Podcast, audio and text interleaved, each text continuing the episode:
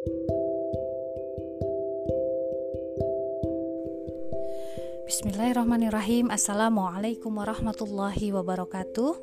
Sahabat oase di mana pun Berjumpa lagi dengan saya Yuli Dalam rubrik kisah sahabiah Alhamdulillahirrahmanirrahim Kita sudah menginjak hari ke-14 Ramadan.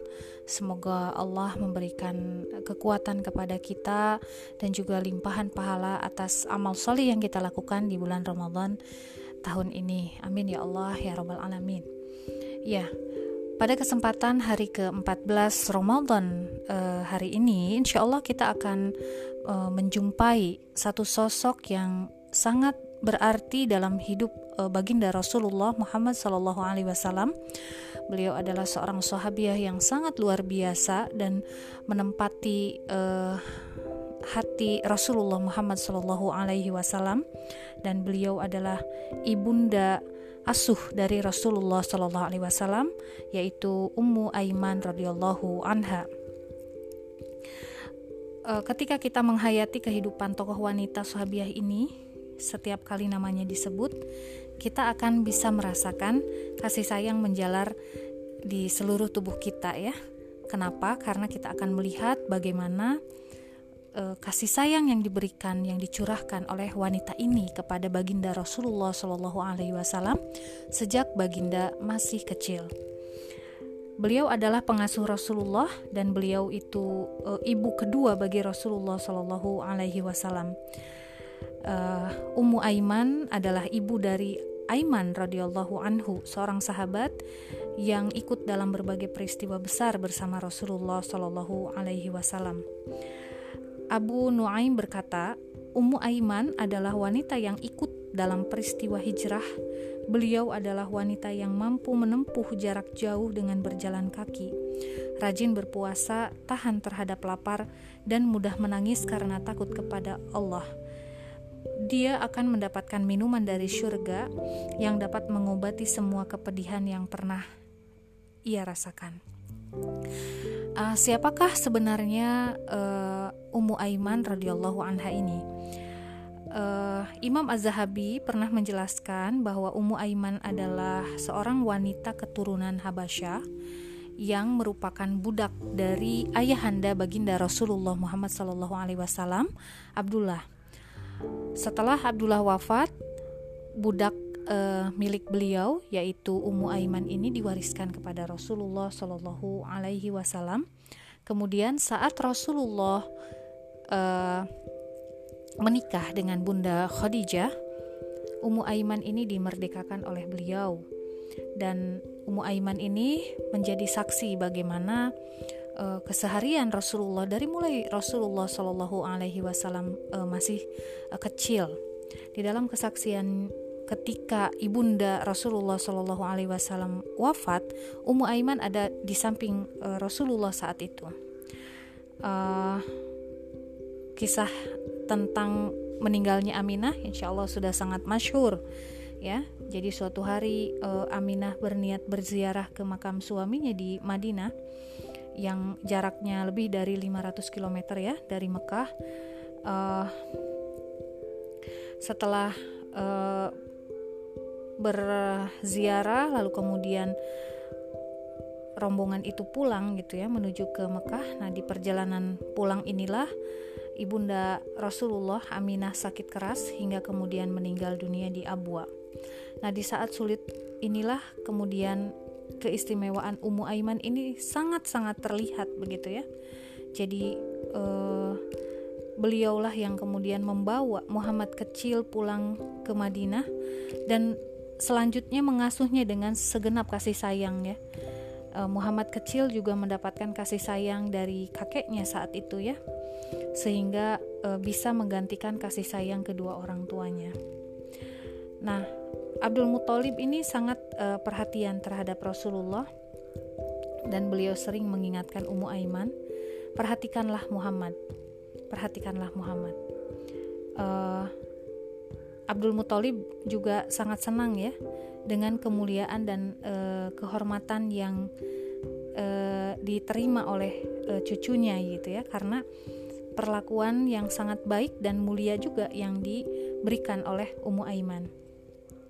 Nah, Abdul Muthalib e, ternyata tidak bisa mengasuh ya Muhammad selamanya karena akhirnya beliau juga menyusul ibunda Rasulullah Muhammad Shallallahu Alaihi Wasallam. Sejak saat itu peran Ummu Aiman semakin besar ya dalam mengasuh Rasulullah Muhammad Shallallahu Alaihi Wasallam, e, termasuk e, sepeninggal kakeknya Rasulullah juga diasuh oleh pamannya yaitu Abu Talib. Dan Ummu Aiman ini memberikan kesaksian juga bagaimana e, berkah yang datang melalui Rasulullah Shallallahu Alaihi Wasallam yang diterima oleh keluarga Abu Talib. Ya, jadi e, ketika keluarga Abu Talib yang kita ketahui cukup kekurangan ya, sehingga makanan yang uh, apa namanya dihidangkan gitu ya untuk seluruh anggota keluarganya itu jarang sekali mencukupi akan tetapi ketika baginda Rasulullah Muhammad Wasallam menjadi bagian dari keluarga Abu Talib keberkahan itu senantiasa dirasakan oleh keluarga Abu Talib jadi makanan yang semestinya tidak cukup ya untuk mereka itu tiba-tiba cukup begitu ya dan mereka bisa makan sampai kenyang dan setiap kali waktu makan, Abu Talib menyadari bahwa Muhammad ini membawa keberkahan. Akhirnya beliau uh, selalu isar mendahulukan Rasulullah Muhammad SAW untuk makan. Jadi Abu Talib itu tidak mengizinkan anak-anaknya untuk makan duluan sampai uh, Muhammad lah yang terlebih dahulu makan, begitu ya. Nah, uh, Abu Talib sering berkata kepada uh, Muhammad, "Kamu adalah anak yang diberkahi." Dan ini disaksikan oleh Ummu Aiman. Ummu Aiman pernah berkisah, Rasulullah tidak pernah mengeluh lapar, tidak pernah mengeluh haus. Di pagi hari beliau minum seteguk air zam-zam. Siang harinya ketika saya tawari makan, beliau berkata, "Tidak usah, aku tidak lapar." Jadi memang sikap Rasulullah SAW yang mulia ini sangat terekam ya karena memang keseharian beliau itu diasuh oleh Ummu Aiman. Nah, uh, kemudian Rasulullah Wasallam ketika menikah dengan Khadijah, beliau memerdekakan Ummu Aiman dan kemudian beliau menikahkan Ummu Aiman dengan Ubaid bin Harith al Khazraji. Kemudian dikaruniai anak bernama Aiman bin Ubaid. Nah, uh, namun kemudian Ummu Aiman ini berpisah dengan Ubaid karena Ubaid e, tidak mau masuk Islam. Nah, sementara Ummu Aiman sendiri setelah Rasulullah SAW diutus oleh Allah ya menjadi seorang e, nabi dan rasul, Ummu Aiman ini langsung menyatakan keislamannya dan e, menjadi e, orang yang terkategori as-sabiqunal awalun yang pertama kali e, masuk ke dalam Islam. Nah, setelah berpisah ya dengan suaminya yang tidak mau masuk Islam, lalu kemudian Allah menggantikan ya pasangan bagi Ummu Aiman ini dengan uh, seorang uh, laki-laki yang mulia yaitu Zaid bin Harithah yang uh, statusnya uh, sebelumnya adalah budak yang juga dimerdekakan oleh Rasulullah bahkan oleh Rasulullah diangkat menjadi uh, anak angkat. Masya Allah gitu ya, keluarga yang diberkahi begitu ya. Hingga kemudian akhirnya dari pernikahan bersama dengan Zaid bin Harisah, uh, lahirlah seorang pemuda yang Masya Allah luar biasa, yaitu Usamah bin Zaid radhiyallahu anhu yang di usia mudanya Usamah ini sudah diberikan kepercayaan oleh Rasulullah Muhammad Wasallam untuk menjadi panglima perang. Ya, jadi ini uh, satu karunia yang luar biasa ya uh, wanita yang tadinya budak begitu ya uh, Allah muliakan, Allah merdekakan, Allah tinggikan derajatnya dari keluarga uh, Ummu Aiman dan juga Zaid bin Harisah dengan lahirnya seorang putra yang hari ini kita mencatatnya sebagai uh, seorang yang luar biasa ya. Siapa yang tidak kenal dengan Usamah bin Zaid? Nah, dalam sebuah uh, riwayat ini menarik sekali. Bagaimana ketika peristiwa hijrah itu sejarah mencatat Ummu Aiman ini uh, adalah seorang wanita yang memiliki kekuatan yang luar biasa, kekuatan iman yang luar biasa ya. Uh, bahkan Allah memberikan uh, apa namanya special gift gitu ya kepada uh, Ummu Aiman. uh, di dalam sebuah riwayat Utsman bin Qasim menceritakan Ummu Aiman uh, pada saat ikut dalam rombongan kaum muslimin yang hijrah ke Madinah pada suatu hari ketika sampai da suatu daerah yang bernama Mansorif sebelum uh, daerah Rauha kata Utsman bin Qasim Ummu Aiman ini saat itu berpuasa dan merasa sangat lelah dan haus ya karena Ummu Aiman ini uh, ketika hijrah itu berjalan kaki dari Mekah ke Madinah. Tiba-tiba kemudian ada sebuah ember berisi air terikat uh, pada tali putih yang menjulur dari dari langit. Lalu Ummu Aiman meminumnya dan setelah kejadian itu ia berkata, "Setelah kejadian itu saya tidak pernah merasakan haus sama sekali meskipun ketika berpuasa." Ini ada di dalam uh, riwayat uh, apa Ibnu Sa'an ya. Nah, jadi uh, Ummu Aiman itu memang dikenal sebagai wanita yang apa tidak pernah mengeluh gitu ya. Kuat uh, berjalan kaki, kuat menahan lapar, kuat menahan haus. Nah, dan juga keutamaan yang lain yang masya Allah ya ini men layak menjadi contoh bagi kita semua adalah Ummu Aiman ini tidak pernah melewatkan kesempatan ketika Rasulullah Muhammad SAW dan para sahabatnya ini, uh, para sahabat sepeninggal beliau yang menjadi khalifah, tidak pernah meninggalkan uh, keterlibatan ya, apa namanya dirinya. Jadi beliau itu tidak pernah tidak terlibat dalam peperangan atau uh, dalam aktivitas jihad. Di perang Uhud, perang Khaybar, ya uh, perang Hunain begitu ya hatta di perang Mu'tah begitu ya. Ini Ummu Aiman itu selalu uh, apa selalu uh, terlibat begitu bahkan uh, hal yang paling apa yang paling menyakitkan ya ketika perang Mu'tah di mana suami tercintanya yaitu Zaid bin Harisah uh, yang diangkat oleh baginda Rasulullah Muhammad Shallallahu Alaihi Wasallam sebagai panglima uh, apa panglima uh, bagi kaum muslimin begitu ya ini uh, harus uh, gugur syahid ya di medan jihad dan berita syahidnya uh, Zaid bin Harithah ya bersama dengan uh, Ja'far uh, bin Abdul Muthalib lalu kemudian Abdullah bin Rawahah ya ini menjadi berita yang menyedihkan sekaligus juga membanggakan begitu ya. Bukan hanya bagi Ummu Aiman tapi juga bagi kita kaum muslimin begitu. Karena uh, apa Rasulullah bahkan gitu ya di dalam sebuah riwayat uh, Rasulullah itu mengabarkan kematian Zaid, Ja'far dan juga Abdullah bin Rawaha kepada kaum muslimin itu sebelum ketiganya mengetahui uh, apa bahwa mereka itu akan syahid begitu. Jadi beliau bersabda Zaid memegang bendera lalu dia gugur. Kemudian dipegang oleh Ja'far lalu dia gugur. Kemudian dipegang oleh Abdullah bin Rawahah lalu dia gugur dan saat itu e, mata beliau meneteskan air mata lalu kemudian bendera dipegang oleh e, satu dari pedang Allah ya Khalid bin Walid hingga kemudian Allah memberikan kemenangan untuk kaum muslimin. Jadi masya Allah ya.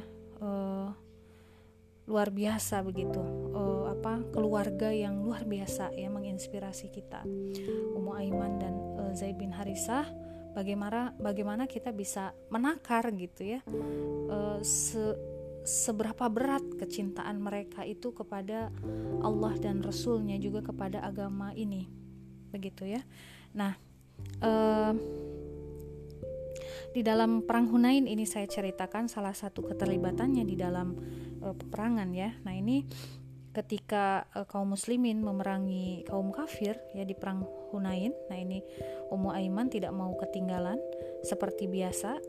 Lalu kemudian beliau pun ikut meleburkan dirinya dalam pasukan Islam untuk memperjuangkan agama Allah. Dan dua putranya Usamah bin Zaid dan Aiman juga ikut dalam pasukan Islam. Dan di perang ini pasukan Islam sempat terdesak ya banyak tentara Islam yang mundur. Namun Aiman dan beberapa tentara Islam tetap uh, tegar di barisan pertama bersama dengan Rasulullah hingga kemudian ia dijadikan simbol keberanian di perang Hunain yang akhirnya gugur uh, menjadi uh, syahid ya uh, Aiman itu dan Ummu Aiman ya uh, yang saat itu juga ada di barisan paling belakang ya para wanita itu uh, tetap tegar gitu ya uh, ketika mendapati anaknya harus gugur di perang Hunain.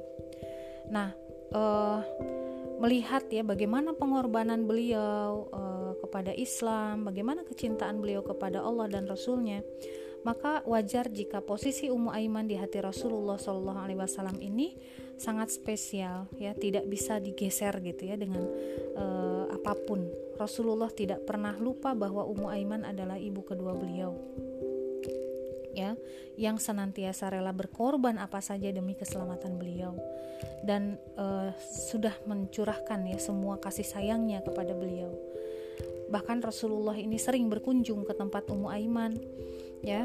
Uh, Ummu Aiman menyuguhi beliau minum tapi Nabi menolak begitu ya. Uh, jadi apa namanya uh, tidak tidak ingin diperlakukan sebagaimana e, tamu begitu ya Rasulullah itu. Hingga kemudian Ummu Aiman tuh pernah memarahi Rasulullah kenapa kamu tidak mau diperlakukan seperti ini? Gitu.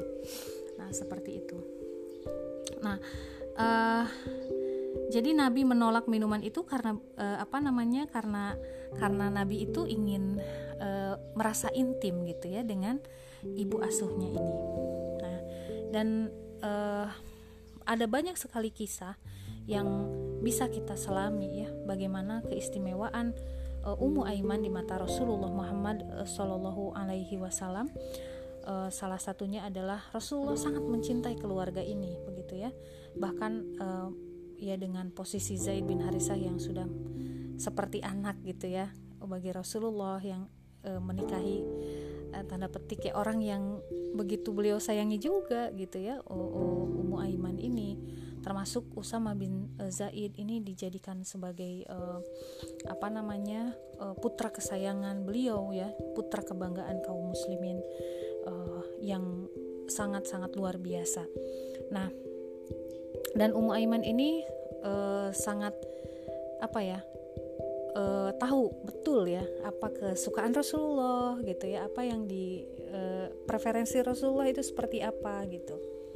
Nah ketika kemudian Rasulullah Shallallahu Alaihi Wasallam meninggal dunia nah ini Ummu Aiman termasuk uh, ya kita tahu semua kaum muslimin bahkan yang terguncang tapi guncangan yang dialami oleh Ummu Aiman ini sangat-sangat uh, apa hebat begitu ya. Lebih hebat lagi daripada kaum muslimin yang lain.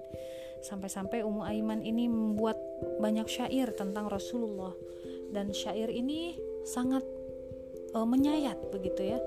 Uh, menggambarkan kehilangan seorang uh, apa menggambarkan kehilangan uh, dari seorang ibu gitu ya. Atas atas kepergian anaknya uh, Masya Allah ya Ummu Aiman ini diberikan usia yang cukup panjang oleh Allah. Beliau diwafatkan pada masa uh, kekhalifahan uh, Utsman bin Affan. Dan ketika Umar bin Khattab uh, meninggal dunia, ini Ummu Aiman kembali me, apa mengalami guncangan juga gitu. Ya beliau menangis gitu ya. Uh, ketika apa namanya Rasulullah Shallallahu Alaihi Wasallam meninggal beliau terguncang dan mengatakan bahwa ya Madinah hari ini sudah gelap gulita gitu ya. Artinya ya kehilangan gitu ya sumber cahaya begitu ya uh, bagi kaum muslimin gitu. Nah pada masa Umar meninggal Ummu Aiman kembali mengatakan uh, bahwa uh, rasa sedihnya begitu ya bahwa umat Islam hari ini sudah mulai lemah gitu. Karena beliau tahu betul ya sumber kekuatan umat Islam saat itu ya uh, yang betul-betul bisa merekatkan gitu adalah Umar bin Khattab dan di akhir hidupnya ya pada masa uh, pemerintahan uh, kekhalifahan Utsman uh, bin Affan radhiyallahu anhu Allah kemudian uh, memanggilnya untuk berkumpul ya dengan orang yang dicintainya di akhirat yaitu Rasulullah Shallallahu Alaihi Wasallam.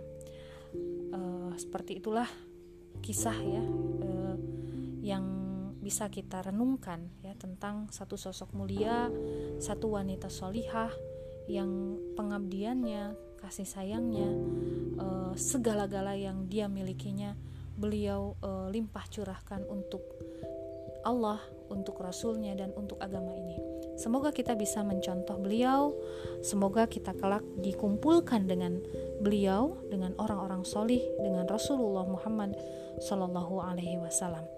Demikian, semoga bermanfaat. Wassalamualaikum warahmatullahi wabarakatuh.